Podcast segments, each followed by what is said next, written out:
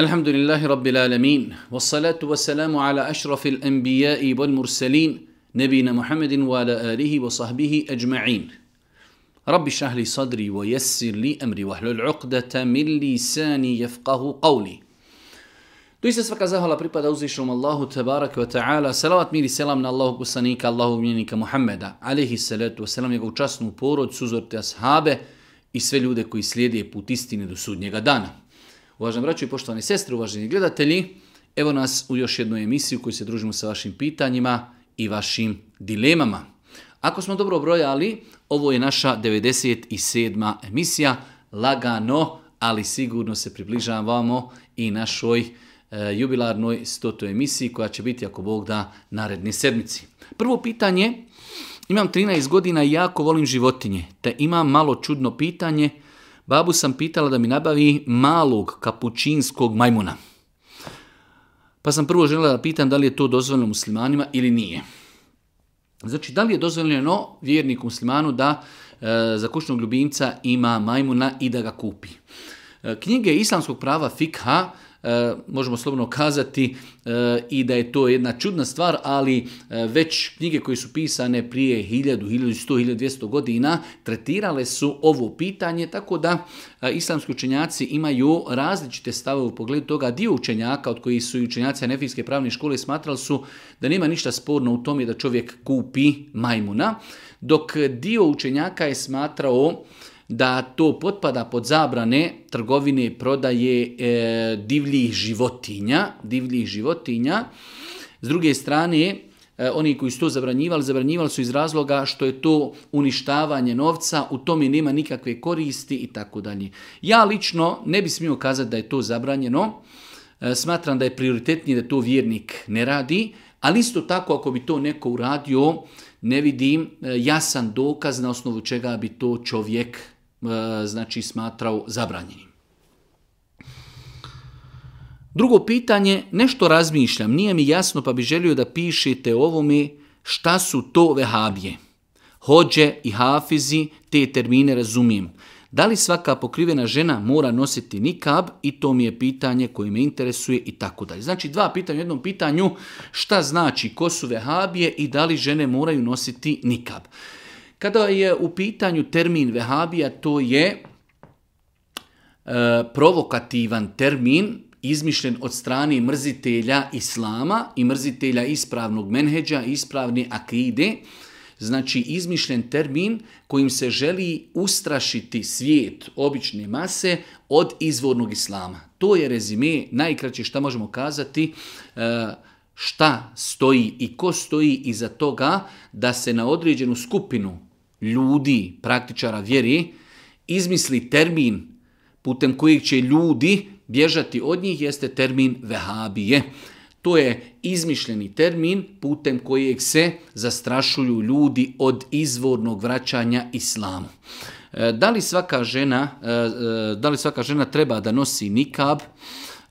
U pogledu pitanja nikaba islamski učenjaci mezheba imaju dva stava, dio učenjaka je smatrao da je pokrivanje lica ženi pohvalno i lijep čin. Pohvalan i lijep čin, ali nije obaveza.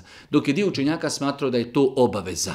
Znači, primjećujemo da nikada niko nije kazao zato da je to novotarija ili da to nije utemeljeno. Znači, u islamu postoji samo dva stava u pogledu pitanja nikaba. Dio učenjaka je kazao da je to sunnet. Lijepo, pohvalno i to je većinski dio islamskog učenjaka smatrao da je ženi lijepo, pogotovo ako je mlada i pogotovo ako se živi u vremenu kada e, se ljudi odalje od vjeri, kada se javno čini grijesi, tada je pohvalno i lijepo da žena nosi nikab, da pokrije svoje lice.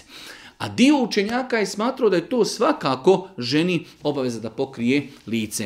E, u svakom slučaju, Allah najbolje zna, e, ja lično sam stava da je pohvalno i lijepo da žena nosi nikab, ali samim tim kada kažemo pohvalno i lijepo, kao što se trudimo da praktikujemo svaki dan, klanjamo sunnete i zikrimo i radimo mnoge druge sunnete i to što smo kazali da je sunnet ne znači da to ne treba činiti, suprotno tomi kažemo da je sunnet i to treba prakticirati i treba se truditi i pozivati ljude e, da se takva pojava proširi i omasovi e, među našim bošnjakinjama, muslimankama, da što više nosi, da što više nosi nikab, jer su sve supruge Božih poslanika, alihi salatu wasalam, nosile nikab. Treće pitanje, čovjek ako spolno opći sa suprugom, ali ne dođe do izbacivanja sjemena, odnosno ejakulacije, da li je tada obaveza da uzmi gusul. Znači jedno interesantno, a bitno pitanje, ako je čovjek imao intimni kontakt sa suprugom, ali nije doživio ejakulaciju, niti on, niti supruga, da li se moraju kupati? A imali su intimni kontakt pa je ispravno da je od intimnog kontakta obaveza kupanje bez obzira, bez obzira da li došlo do ejakuliranja sjemena ili ne. Samo znači ako je došlo do ulaska muškog spolnog organa u ženski spolni organ, samim tim činom postaje kupanje obavezno, bez obzira da li došlo do ejakulacije ili ne. Nažalost imamo ljude koji ne znaju tu stvar pa misle da je obaveza se kupati samo onda kada čovjek ima ejakulaciju što nije tačno. Znači samim intimnim kontaktom došlo je u vjerodostojnom hadisku bilježi imam muslim da je Allah poslanik kazao kada čovjek legne e, znači među četiri ženina ekstremiteta između ruku i nogu e, kaže i ako se dotaknu spolni organi obaveza im je kupanje kaže se čak u jednom rivajtu pa makar ne došlo do ejakulacije. Tako da znači ako je došlo do ulaska muškog spolnog organa u ženski kupanje postaje obaveza. Četvrto pitanje, e, u inostranstvu gdje ima, gdje ima muslimana iz različitih zemalja. Dešava se da kada klanjam podne ili kindiju, neko od ljudi uđe u džamiju i samo mi se priključi i tako dalje. Znači, pitanje je e, da li je ispravno, ako smo mi došli u džamiju i vidimo da neko klanja, da mi stanemo pored njega i da znači, nas dvojica klanjamo u džematu. Gdje je ovdje problem? Kao problem je zato što taj imam sad kojeg smo mi postavili da bude nam imam, od početka nije nije tio da bude imam. To znači uopšte nije sporno, niti je to uvjet. Boži poslanik, ali se letu sram kao što bilježi imam Buharija i muslim, ustao jedne večeri klanjati noćni namaz, a Ibnu Abbas je noćio kod njega, kod Božijeg poslanika, pa kaže Ibnu Abbas, kad sam vidio Božijeg poslanika, ustao sam, lijepo sam abdestio, pa sam stao pored Božijeg poslanika, pa je Božiji poslanik ga predvodio u noćnu namazu. Znači vidimo da Božiji poslanik nije negirao Ibnu Abbasu to što je ustao, klanjao, a Boži poslanik u početku namaza nije znao da će on biti Ibnu Abbasov imam u namazu. Tako da nema ništa sporno i to je kod Arapa opće poznata praksa, znači pogotovo ako su u pitanju džamije ili mesčidi koji su pored puta na benzinskim stanicama ili negdje u hotelima ili u restoranima. Tu je normalna pojava kada čovjek uđe u džamiju, u vidi da neko klanja, stane pored njega i klanjaju zajedno u džematu. Tako da znači e, nije sporno, čak šta više dozvoljeno i bolje da klanjaju u džematu nego da klanjaju posebno. Tako da znači čovjek ako uđe u džamiju negdje vidi da neko već klanja, staće pored njega i znači s njegove desne strane i klanče u džematu. Naime, čula sam od mnogih osoba da je zabranjeno prati veš utorkom radi muškaraca u kući. Čula sam od više osoba da je zabranjeno prati veš zbog muškaraca u kući. Je li to tačno ili nije tačno? Apsolutno nije tačno. Znači ne postoji nikakvo ograničenje niti u satima, niti u danima, u toku sedmice, mjeseca i godine kada se može prati veš, kada se može čovjek šišati, kada se nokti mogu rezati po danu, po noći, dani sedmice, dani mjeseca, ne postoji nikakvo ograničenje niti zbog muškaraca, niti zbog žena, znači veš se može prati tokom cijeli sjednici i po dani i na tokom cijelog mjeseca i tokom cijeli godini. Ukoliko ne dam kožicu od kurbana u džamiju, jer tako na hudbama se govori ukoliko se proda kožica od kurbana, kurban nije ispravan. Da li je ispravan moj kurban? E, mislim da je ovdje e, pogrešno razumljeno, znači u islamu je zabrajno prodati kožicu kurbana i novac od kožice ostaviti sebi. Ali da mi kožicu od kurbana damo instituciji ili pojedincu koji će to poslije prodati, mi sad tim više nemamo ništa. Znači naše je da to mi poklonimo, da mi nekom je damo kao poklon. Da li će to biti islamska zajednica, da li će to biti neki pojedinac koji prikuplja kože i mi znamo da će on to prodati, nema u tome ništa sporno. Znači kurban je validan ako mi zakoljimo kurban, meso podijelimo, a kožicu kao što smo podijelili meso i kožicu damo nekom je besplatno. U ovom slučaju islamskoj zajednici ili nekoj drugoj instituciji ili pojedincu. Znači bitno je da mi to damo besplatno. Čak je bio dio učenjaka koji smatrao i kožicu ako je prodamo da uzmemo taj novac i da podijelimo da je to dozvoljeno. Iako to treba izbjegavati, ali ako mi zakoljemo kurban, podijelimo meso i kožicu mi nekom damo besplatno. Naš kurban je ispravan i validan, nema nikakve smetnje, makar bili sigurni i znali da će ta osoba tu kožu prodati. Može li jedno pitanje, da li kvari post vađenje zuba sa inekcijom? E, nema smetnje da čovjek prilikom vađenja zuba u danu kada posti uzme inekciju za e, znači protiv bolova e, kao vid anestezije da bi imao manje bolove zato što su to inekcije koje nisu hranljive. Znači rekli smo kada je u pitanju post i kada je u pitanju stvari koje kvari post, da imamo injekcije koje su hranljive, imamo injekcije koje nisu hranljive. Jedna od injekcija koja nisu hranljive su i injekcije koje su e, protiv bolova ili vid anestezije, tako da nema smetnje e, u toku posta i vaditi zub, niti ima smetnje e, prije znači, vađenja zuba da čovjek dobije inekciju kako bi na taj način umanjio bolove prilikom vađenja zuba. Ako Bog da sve to ispravno, s što čovjek treba da se maksimalno potrudi e, da prilikom vađenja zuba i isticanja krvi iz ranije zuba, da ništa od krvi ne proguta. Da li se zekijat može dati u izgradnju puta? Hvala. Ne može se zekijat davati za izgradnju puteva ili mostova ili nečega sličnog tome. E, znači, Allah Žešanu u Kur'anu u suri e, Teuba jasno je pojasnio kome pripada zekijat. Zekijat pripada bijedi, sirotinji, onima koji su zaduženi i tako dalje. Tako da, e, iako je u tome jedno opće dobro, ali nije zato dozvoljeno dati novac iz zekijata. Znači zapam, čak nije dozvoljeno dati novac za izgradnju džamije. Džamija se gradi, kažeš da ću za nju zekat, ne može. Znači, za izgradnju puteva, mostova, džamija, nije u te svrhe dozvoljeno dati svoj novac iz zekijata.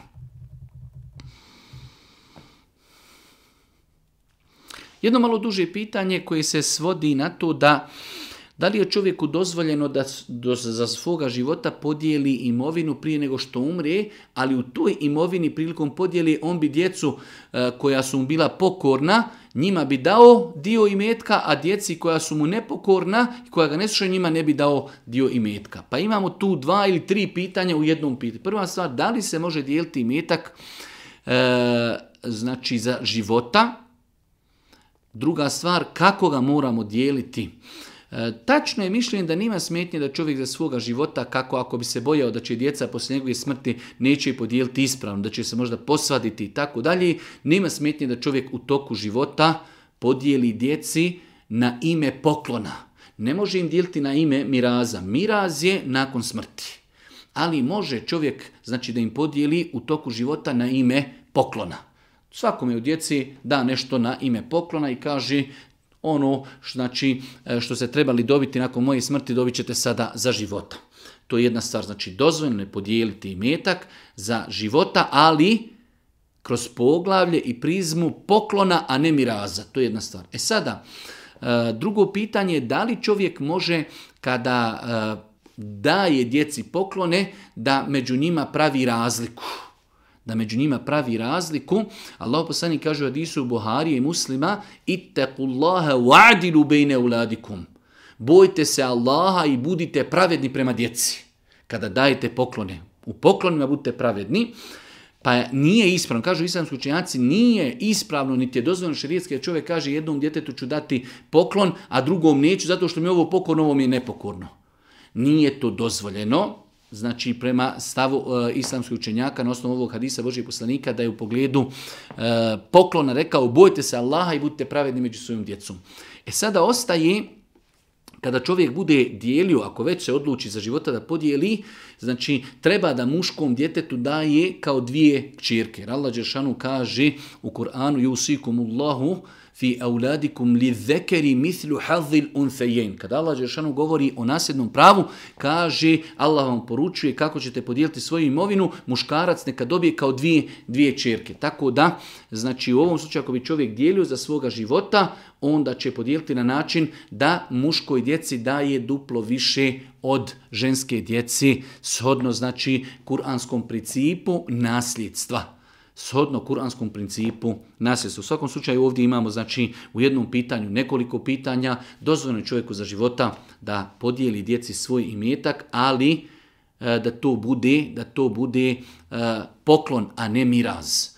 E, nije dozvoljeno da neku djecu preskoči, da nekima nešto dadne, to nije dozvoljeno.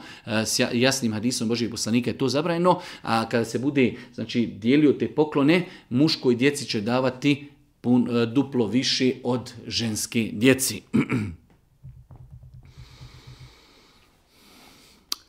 Imam sestru koja vrlo često ostavlja namaz. Upozoravala sam je više puta, pričalo i tako dalje. Zadnji put sam joj rekla, obećavam ti da ti više o tome neću pričati i tako dalje.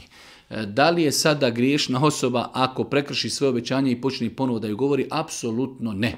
Apsolutno ne, znači e, s tim što čovjek treba vjernik da kada nekoga savjetuje da pazi na način, vrijeme i metodu.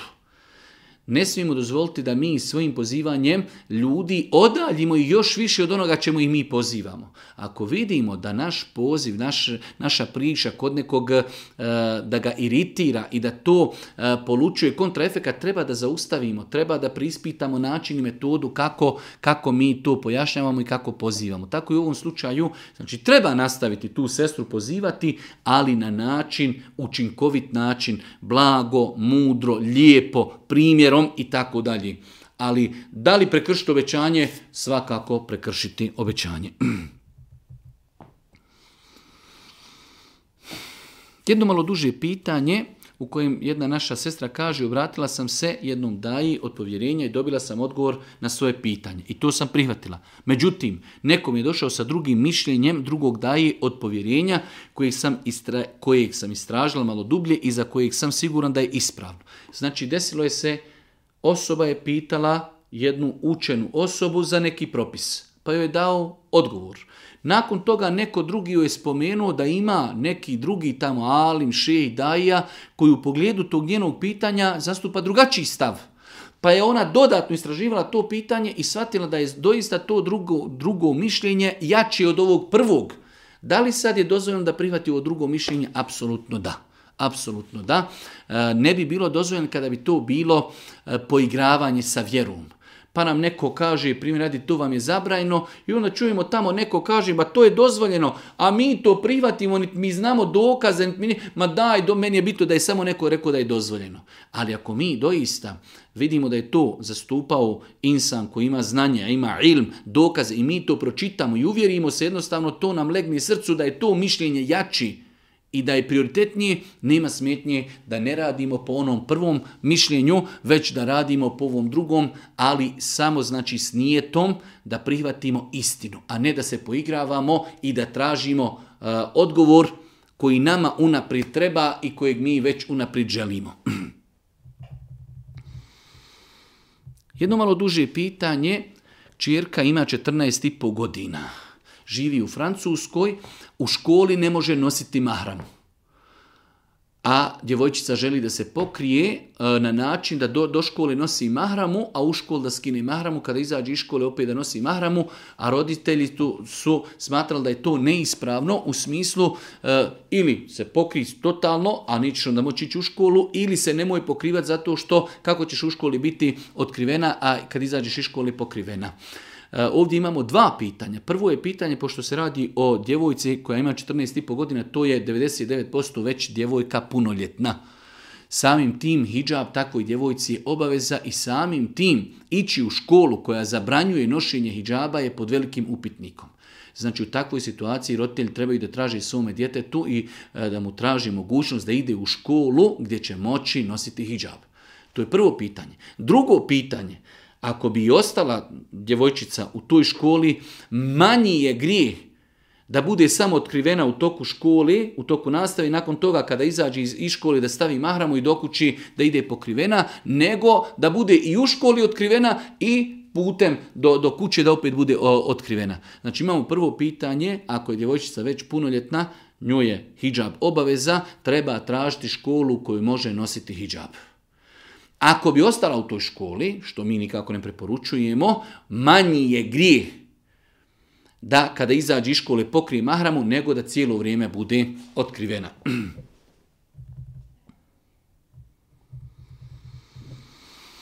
Hmm, dođem u džamiju i sam sam, nema nikoga, klanjam namaz, poslije dođe hođa i još neki ljudi iz žemata mogli sa njima ponoviti namaz. E, osoba koja je već klanjala namaz, to što je klanjala, to je taj namaz kojim je nastupilo namasko vrijeme i on je farz odužio. On može klanjati namaz, znači sa džematom koji ponovo dođe, ali to će mu se računati na fila. Znači čovjek primjer radi, podni namaz je ušao u džamiju, nema nikoga, 12 sati, klanja farze, kada lijepo preda farze, dođu ljudi, da li je Fendija, da li je džamija negdje pored puta i dođu drugi ljudi, džemat, hoće da klanja i podni. Može li on klanjati sa njima?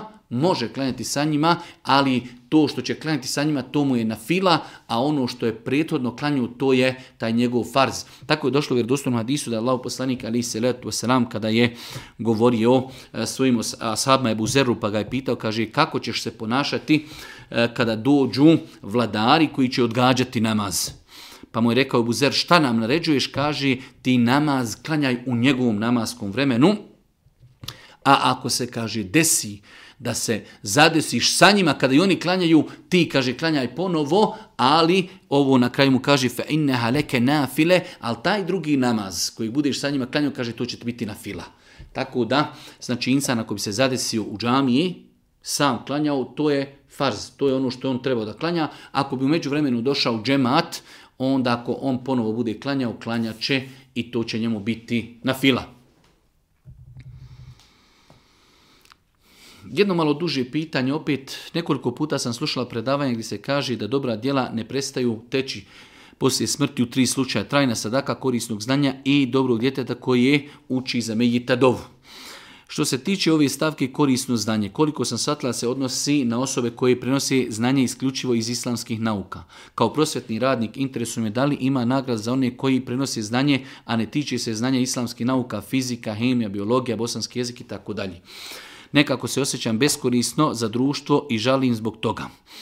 Znači, pitanje, mi znamo, ima hadis vjerodostojen, da je Boži poslanik, hadis bilježima muslim, da je Boži poslanik kazao kada čovjek umri, prestaju njegova dobra djela, osim u tri slučaja, osim ako je ostavio za sebe trajnu sadaku, osim ako je ostavio za sebe ilm kojim se ljudi koristi i ako je ostavio dobro dijete koji će dobiti za njega. Hadis je vjerodostojen. U redu. E, da li E, taj hadis se odnosi samo na širijetske nauke ili nešto drugo.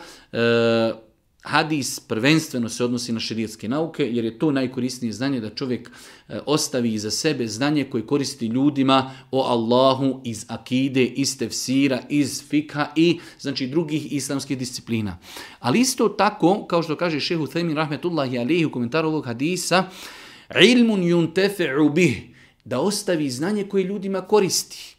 E, ljudima koristi znanje bosanskog jezika, ljudima koristi znanje fizike, ljudima koristi e, znanje hemije, biologije i kako im koristi, tako da insan e, ne treba da, da kao što kaže ovdje ova sestra, osjećam se beskorisno. Ne treba se osjećati beskorisno, sama činjenica da čovjek radi u prosveti, podučava djecu, ipak je to korisna nauka. S druge strane, svojim primjerom pokazuje kako treba da se ponaša musliman. Žena nosi hijab, naziva djeci selam, postiče ih na namaz, postiče da budu iskreni. Kroz bosanski jezik, i kroz hemiju, i kroz fiziku, i kroz biologiju, odgovoran nastavnik e, ili učitelj ili profesor uvijek će stvari povezivati sa islamom, uvijek će djeci e, znači prenositi univerzalne vrijednosti islama. Tako da insan ne treba da se osjeća manje vrijednim, sigurno da se prvenstveno ovaj hadis odnosi na islamske znanosti, ali isto tako i druge znanosti od kojih ljudi imaju koristi. Ljudi imaju koristi ako poznaju biologiju, ljudi imaju koristi ako poznaju zakone fizike i poznaju fiziku, ljudi imaju koristi ako poznaju e, hemiju i procese hemijske koji se dešavaju u njihovom okruženju. Ipak je to a, korisno znanje koji profesor kada prenosi djeci treba da zna da on učestvuje u nečemu što je za njih korisno, za njihov ako Bog da budući život, pogotovo ako to stavimo da on to radi i principijelno i radi pošteno, radi odgovorno, pazi na moral, pazi na vokabular, pazi na ponašanje, pazi, pazi na namaz. Mnogo toga profesor može uraditi kroz predmete koji su svjetovni, da to poveže sa islamom, da djeci omili vjeru islam, znači tako da možemo slobodno kazati e, da ovaj hadis u svojoj sveobuhvatnosti obuhvata i e, nauke koje nisu eksplicitno samo islamski. Zanima me da li je ispravno širijasko vjenčanje ako nakon toga supružnici ne žive zajedno određen period, što može potrajati i tako dalje.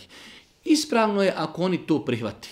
Znači, da li je dozvoljeno da se supružnici vjenčaju i nakon toga određen period ne žive zajedno? Svakako s aspekta praktičnog i te kako to može biti opasno. Da se e, čovjek i žena vjenčaju, da možda godinu, dvije ne žive zajedno, e, to je jedan veliki izazov i za čovjeka i za ženu, udata si ili oženjen si, a daleko si od svoje supruge i tako dalje. E, ali da li je to šerijetski ispravno? Ispravno je ako njih dvoje to dogovori i ako to prihvati. Imate ljudi, primjer radi, neko radi u dijaspori, oženio je djevojku iz Bosne, iz Kosova, iz Pazara i tako dalje, pa je došao, oženio je se da bi mogao odnijeti njene papire da joj preda za vizu i oni se vjenčaju i odma odlazi gore, ne žive nikako zajedno duži period dok i ona ne dobije papire. Da li je to u islamu dozvoljeno? Jeste, ako se njih dvoje to dogovori i ako njih dvoje to prihvati.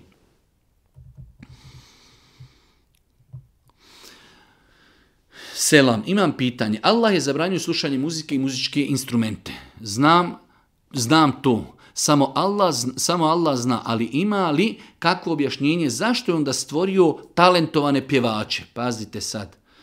Znam da je muzika zabranjena. A zašto je, kaže Allah, stvorio talentovane pjevače koji su baš stvoreni za pjevanje? I to im je posao, a ujedno je muzika zabranjena. Jesu li oni griješni ako radi nešto za što su stvoreni? Pogledajte pogrešne percepcije i pogrešnog postavljanja temelja i onda sve što nadogradimo na to je neispravno. Kaže, znam da je muska zabrajna, ali je Allah stvorio talentovane ljude, ali Allah stvorio talentovane ljude, e, zašto su oni onda stvoreni ako im je to posao? Ko je rekao ako neko ima talenta da on mora od toga živjeti? Ja kažem da je njegov talent treba da se vidi u učenju Kur'ana, da bude hafiz Kur'ana i da uči Kur'an po deset kirajita. Nije Allah nikog stvorio da čini haram. Allah može nekom i dati talenat e, lijepog glasa, ali to nikako ne znači on treba da živi od toga. Nek se školnik bude informatičar, nek se školnik bude doktor, nek se školuje, nek bude e, znači šta želi. To što ima lijep glas ne znači da mora da živi od muzike. To je neispravno postavljanje temelja ovog pitanja. Allah mu dao glas lijep i to može biti jedan vid iskušenja. Evo ti lijep glas, da vidimo ćeš ti lijepim glasom učiti Kur'an ili ćeš lijepim glasom pjevati sevdalinke ili ćeš lijepim glasom uh, slijediti šetana i uz muziku pjevati.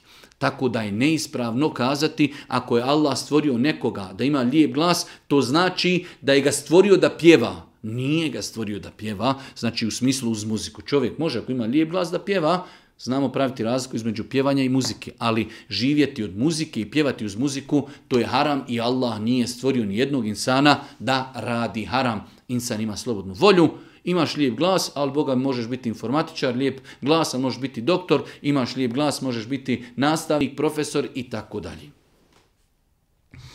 Nedavno sam čuo da je Adidas obuću. Nije dozvoljeno jer navodno od ozdo na džonu piše Allah. Zanima da li je to tačno.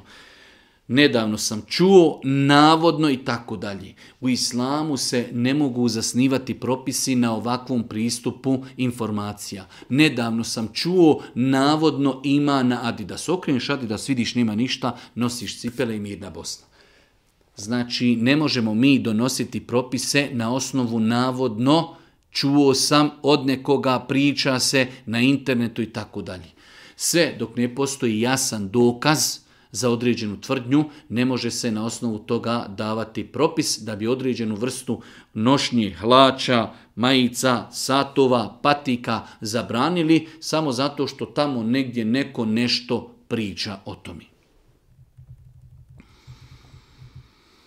Ja imam malu macu kući, pa me zanima da li je ispravan moj namaz moj namaz, ona tako dođe i sjedne kod mene u krilo ili kruži oko mojih nogu u toku namaza. Nema nikakve smjetnje da čovjek ako klanja u namazu, e, pored njega dođe maca i dodirnula njegovo tijelo ili dodirnula ili eventualno ako čovjek sjedi u namaz da dođe da mu sjedne u krilo, Boži poslanik ali se Salam selam je kazao za mačku ona nije nečista ona nije nečista, što znači ona je čista zato što ona kaže mnogo tavafi, mnogo kruži, mnogo hoda e, oko vas, tako da znači u osnovi tijelo, vanština mačke je čisto. Svakako njen izmet, njena mokraća su nečisti prema konsenzu sestamskoj činjaka. Ljudi koji imaju e, znači mačku kao kućnog ljubimca moraju paziti u pogledu ovih pitanja, ali sama mačka, njeno tijelo da dođe e, pored čovjeka u namazu ili da sjedne mu u krilo u toku namaza, to nema, ako Bog da, nikakve veze sa ispravnošću namaza. Namaz je validan ispravan. Jedno opet duže pitanje u kojem čovjek spominje e, da je njegov otac odlučio da razvede njegovu majku nakon tri godine života. E, po njegovoj e, iznošenju pitanja, otac je u osnovi kriv, kaže, od nam je poznato da je on i on je to sam priznao nekoliko puta da je prevario majku više puta, velike e, ogromne e, svote novca je prokockao i tako dalje. E sada dolazimo do onog momenta gdje dio rodbine traži od te dječice da se stavi na stranu majke i da bojkotuju oca što nije ispravno. Problemi između oca i majke trebaju da ostanu njihovi problemi. Čovjek može kao dijete svom ocu kazati Allah te nagradio, vidi, e, trebaš biti dobar prema majci, nemoj je izlostavljati, nemoj je tući, nemoj varati, nemoj kockati, to je to. Ali e, to je samo savjetodavno, ali on je i dalje tvoj babo i moraš, imaš obavezu prema njemu činiti dobročinstvo. Čovjek treba da da do znanja da se ne slaže sa njegovim postupcima ali ne može se stavljati na stranu jednog roditelja da kaže, e sada s ovim nećemo pričati, nećemo ga posjećivati, rodbina nam je rekla, morate biti uz mamu i tako dalje, to je neispravno. Čovjek može e, znati ko je pogriješio i može kritikovati i savjetovati onoga ko griješi, može... E, svojim riječima i postupcima da bude uz onoga kome je zulum načinjen, sve to u redu. Ali to su problemi između oca i majke. Djeca nemaju pravo da se stavi samo na jednu stranu, da drugu stranu isključe. To je ipak njihov otac. Tamam da je nemusliman, da je nevjernik, to je opet njihov otac. Mora da mu čini dobročinstvo i mora da se prema njemu lijepo obhodi. E sada, ako vide doista da griješi, da mu na lijep savjet da mu na lijep način to i savjetuju i sugerišu, ali da ga odbaci, to nije ispravno. Možete li mi odgovoriti o spaljanju namaza i naklanjavanju ako se desi da smo propustili namaz u njegovom vremenu? Također sehvi i seždu nisu mi najbolje jasne propisi vezani za sehvi i seždu. Spajanje namaza je specifično za putovanje. Ne mogu se spajati namazi, znači, odnosno, spajanje namaza je specifično za čovjekovu potrebu. E, ono što je najzastupljenije jeste e, spajanje namaza na putu znači da čovjek spoji podne sa ikindijom, akšam sa jacijom. Ali može se u datom momentu i spaja i namaza desiti i mimo puta. Kao što se desilo, e, kao što je zabilježeno u hadisu imama e, Buharije, da je Allah poslanik ali se ratu u Medini spojio podne sa ikindijom, akšam sa jacijom. Tako da, e, ako postoji neka velika potreba, grmljavina, kiša, e, primjer radi potreba, e, čovjek je bolestan, ne može dva puta ustajati, uzimati abdest ili čovjek radi kao doktor e, pa je u sali, radi operaciju, ne može prekinuti operaciju, tada mu kažemo spoji podin sa ikindijom, spoji akšam sa jacijom. Tako da spajanje namaza je vezano za veliku potrebu za veliku potrebu, e, prvenstveno može biti na putu, ali može biti i kod kući za raskod. Kraćenje namaza, kraćenje namaza je eksplicitno vezano samo za putovanje. Kada čovjek putuje putovanjem dužim od 80 km, može kratiti namaze četverorekjatni na dva rekjata, pa podne klanja dva i kindiju dva, akšan klanja tri svakako, jaciju klanja dva, sava svakako klanja dva. Pa je znači putovanje, za njega se vezuje kraćenje namaza, i potreba ako postoji spajanje. A može se nekada i kod kuće spojiti ako postoji potreba. Svakako da se čovjek ne poigrava sa ovakvim pitanjem pa da kaže nakon zbog nekih sitnica da spaje namaza, e, to je neispravno već zbog velikih stvari kao što su spomenuli ako je u pitanju bolest, nevrijeme, e, doktor radi operaciju i tako dalje, neke krupne stvari. Sefi sežda, Najlakši zapanti zapamti pitanje sehvi seždi ako čovjek oduzmi nešto u namazu što je smio oduzeti. Neki od vađiba ako i izostavi i zaborava. Kao primjer radi ako nije sjedio na prvom etehijatu. Znači kanjao je dva rekiata podnije namaza i umjesto da sjedi na etehijatu ustao je. On je preskočio tada šta? Prvo sjedinje. On će to nadomjestiti tako što će urati dvije sehvi seđde prije selama. Jer je šta? Oduzeo nešto. Ako je nešto oduzeo, sehvi sežda se čini prije selama. Ako je dodao, šta može dodati? Čovjek u četiri rekiata i zavorio svjesni etehijat, ustao na piti rekiat. I učio fatihu, učio su, sjeti se da je na petom rekiatu, sjedni, vrati se, on je tada nešto dodao, tada će sehvi seždu činiti nakon selama. Da li muslimanu uz Kur'an dozvoljeno pročitati i Bibliju. Jer ne vidim nikakvu smetnju od toga. Unaprijed hvala za odgovor. E, nije tačno, znači ne vidim u tome nikakvu smetnju. Ja vidim i tekako veliku smetnju i o tome su islamski učenjaci već podavno govorili e, da ne preporučuju da ljudi, da kažemo obični ljudi iz običnih masa čitaju Bibliju ili bilo koju drugu nebesku knjigu. Zašto? Zato što oni nemaju kompetenciju da izvagaju i vide šta je iskrivljeno, šta nije iskrivljeno, šta je tačno, šta nije tačno i onda će doći u situaciju da određene stvari pročitaju, ne znaju je li to ispravno ili ne. Zato je ispravno da, mm, da kažemo, prosječno obrazovani ljudi ne trebaju čitati ništa osim Kur'ana. Za razliku od kompetentnih učenih ljudi koji mogu čitati kako bi ukazali na neispravnosti koje su prisutne u svemu tome, ali to je opet za osobe stručne i kompetentne. Imam 14 godina, imam problem da neprestano psujem svjetinje Islama. Možete li mi pomoći da riješim ovaj problem?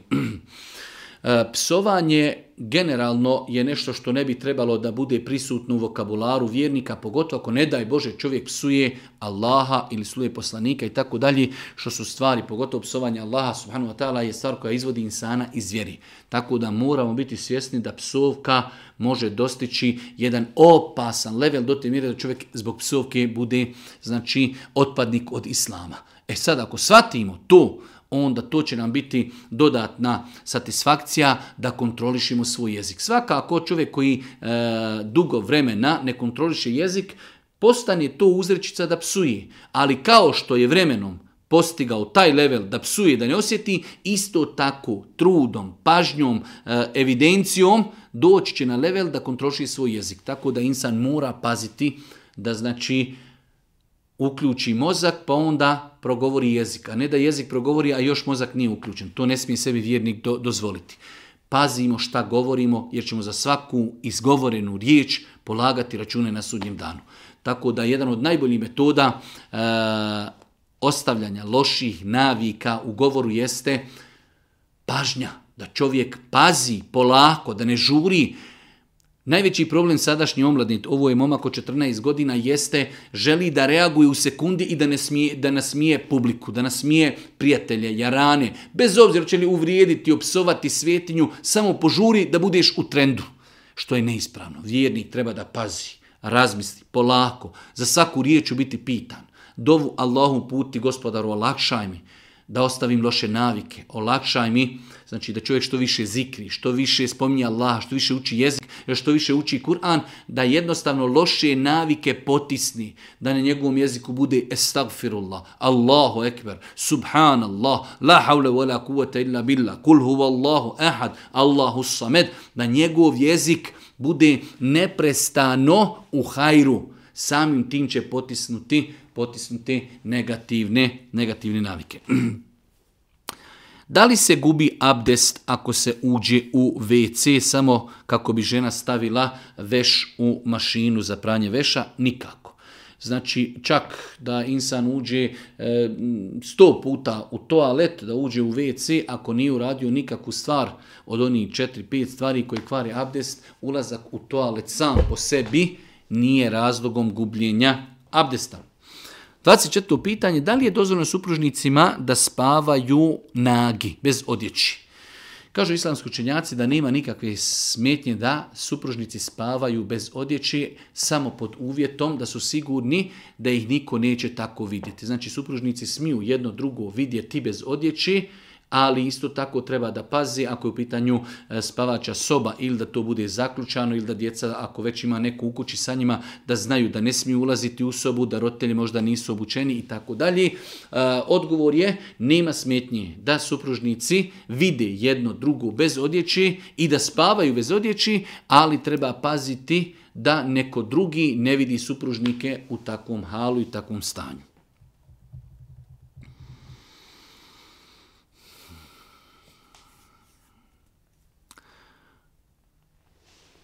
Gledao sam video gdje govorite o tri dana posta u svakom mjesecu, pa sam htio da pitam da li se moraju postiti uzastopno ili ne. Imamo vjerodostojna na u kojima Allah poslanik ali se letu selam o hadisi u Buhari i u drugim hadiskim zvirkama da je Allah poslanik kazao jednom od svojih ashaba posti tri dana u svakom mjesecu to će se računati kao da si postio cijeli mjesec, odnosno da si postio cijeli svoj život. Ako svaki mjesec postiš po tri dana, kao da si postio cijeli život. Zašto? Jer se u islamu svako dobro djelo nagrađuje desetorostruko. Pa kada čovjek posti tri dana, kao da je postio u mjesecu 30 dana. Pa opet sljedeći mjesec postimo 3 dana, kao da smo postili cijeli mjesec. Pa opet postimo 3 dana, kao da smo postili cijeli mjesec i tako cijeli život. Da li ti dani moraju biti zajedno? Ne. Znači, može čovjek postiti E, na početku mjeseca, u sredini, na kraju. Može postiti spojeno, može stvojeti, klanjati e, može postiti spojeno dane, sve tri jednom, a može postiti rastavljeno. Pa posti ove sedmice jedan dan, druge sedmice drugi, pa jednu sedmicu ne posti ništa, tek četvrtu sedmicu opet posti jedan dan. Znači ova tri dana koja je preporučio Boži poslanik da se posti u svakom mjesecu, lijepo i pohvalno se organiziramo i da imamo naviku da svaki mjesec Šerijatski mjesec, znači hidžetski, postimo po tri dana. Imaćemo nagradu kao da smo postili cijeli mjesec ili tokom cijele godine. E, ta tri dana mogu biti na početku mjeseca, u sredi mjeseca, na kraju mjeseca. Ne moraju biti jedan za drugim, a mogu biti i jedan za drugim.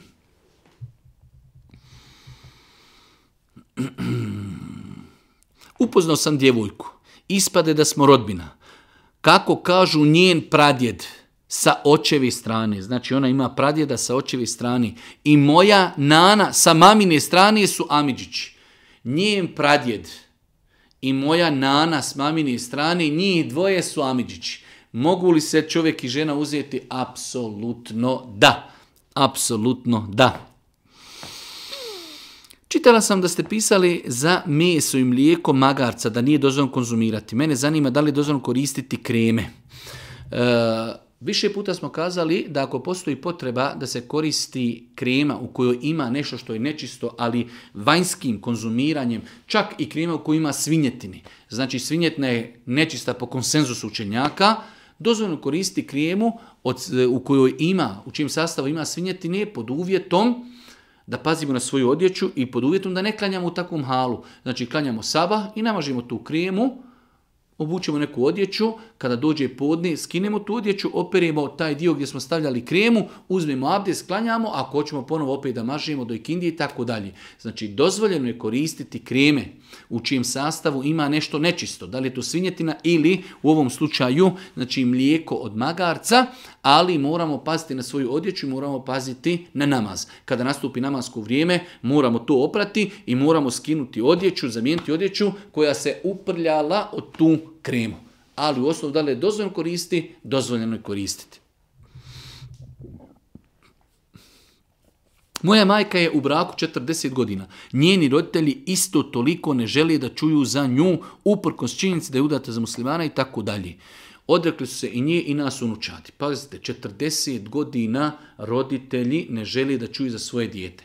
Koji je to azab i koja je to patnja da imaš svoje dijete umjesto 40 godina da uživaš u e, kontaktu, komunikaciji sa svojim djetom 40 godina ne možeš se oduprijeti šetanju, njegovom došaptavanju i odrekneš se svoga djeteta i odrekniš se njegovi unučadi. I e sada jedna unučad pitaju jesmo li mi griješni što nismo sa njima u kontaktu.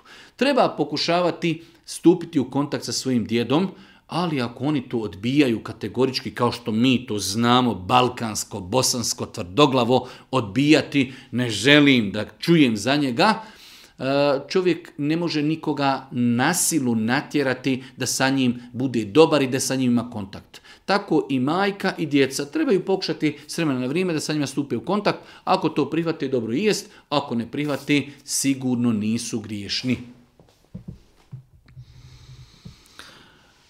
Došlo je do svađe između mene i supruge. Ona je navodno predala za razvod braka, a ja ne želim da to prihvatim. Pa me interesuje e, šta u svemu tome raditi. U svakom slučaju, e, mi smo više puta spominjali kada je u pitanju bračna zajednica da se brak može e, prekinuti na jedan od tri načina ili razvodom, da čovjek da ženi razvod ili sporazumno da se čovjek i žena dogovori, to je takozvani hular, ima treći, e, treći način jeste da muž ne želi razvesti ženu, a žena ima pravo na razvod braka, onda e, kadija u islamskoj državi e, znači poništi njihov brak. To su tri načina. U savremenom dobu da žena preda razvod braka na sud i sud to odobri, ako muž nije saglasan sa tim prema islamskom načinu i postulatima, taj brak i dalje je validan. To što znači sud presudi i kaže ovaj brak mi poništavamo, kod Allaha taj brak još postoji. Znači prema islamskom načinu tri su načina kako se brak može poništiti. Ili da čovjek razvede svoju ženu, ili da sporazumno se dogovori, u većini slučajeva to bude da žena traži razvod braka od muža, a kaže vratit ću ti tvoj mehr, u većini slučajeva. I treća stvar, da žena traži razvod. Ima pravo, ali ju čovjek ne da. U takvoj situaciji se između njih upetljava kadija i on donosi odluku, kaže od danas više nisi njegova supruga i selam maliku. Ovo što se radi na današnji način da da ljudi predaju, žene predaju razvod braka eh, u sudnicu i kada ta presuda padne smatraju da je to razvod braka, to po islamu nije razvod braka.